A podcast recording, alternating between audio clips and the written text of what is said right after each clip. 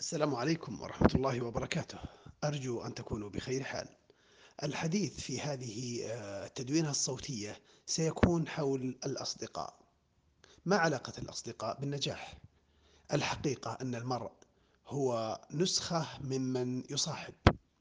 الأشخاص الذين تصاحبهم آه، وتقضي معهم وقتا طويلا وتجلس معهم وتتبادل معهم أطراف الحديث وتسافر معهم أو تعمل معهم. الذين تجالسهم كثيرا سوف تقتبس الكثير من سماتهم وصفاتهم وسلوكياتهم.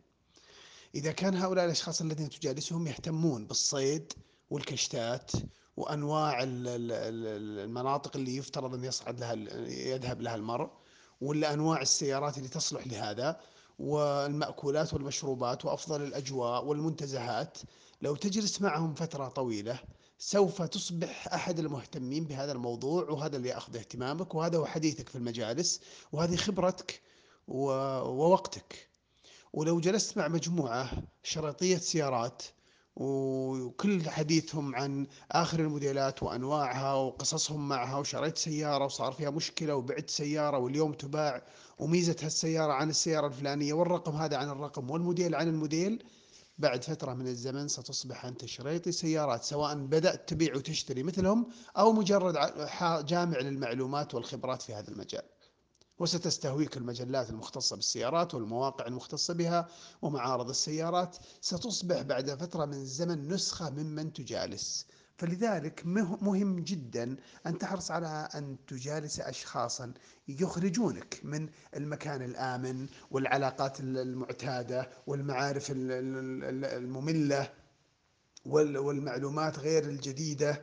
أن تبحث عن أصدقاء ينقلونك. تخيل لو كنت جالس مع الشرطية فترة من الزمن ثم طرأ عليك ورحت وجالست مجموعة من طلبة العلم وواظبت على الجلوس في مناسباتهم وجلساتهم وذهابهم وإيابهم.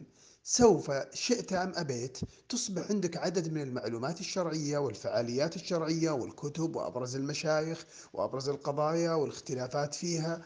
ستتغير يقينا فالصاحب ساحب. لذلك إذا كنت تبغى تغير من حياتك غير من أصدقائك. حاول تضيف إلى قائمة صداقاتك شخصيات مميزة في الجانب المهني في الجانب العلمي في الجانب الثقافي في الجوانب التي تطمح أنت أن تحقق فيها ميزة. وصدقني آه، حينما تبحث ستجد. وحينما تغير آه، أصدقائك سيلحظ كل الناس القريب منهم والبعيد أن فلان مو هو بصاحبنا اللي إحنا خابرينه. تغير. تطور واهتم ونجح وعلت اهتماماته وتحسن مستواه وتغير. ما هو بصاحبنا اللي نعرفه قبل سنوات محدودة. ابحث عن أصدقاء يدفعونك للنجاح وليسوا أصدقاء يثبطونك عنه. ابحث عن أصدقاء يلومونك حينما يرون التقصير. وابحث عن أصدقاء يرشدونك ويدلونك ويتواصلون معك ويحرصون عليك. مثل هؤلاء الأصدقاء تشبث بهم وألزمهم. حتى ولو كان هذا الأمر فيه مخالفة للنفس اللي تحب الراحة والدعة والسكون والمناطق الآمنة لكن صدقني العاقبة ستكون رائعة ومميزة.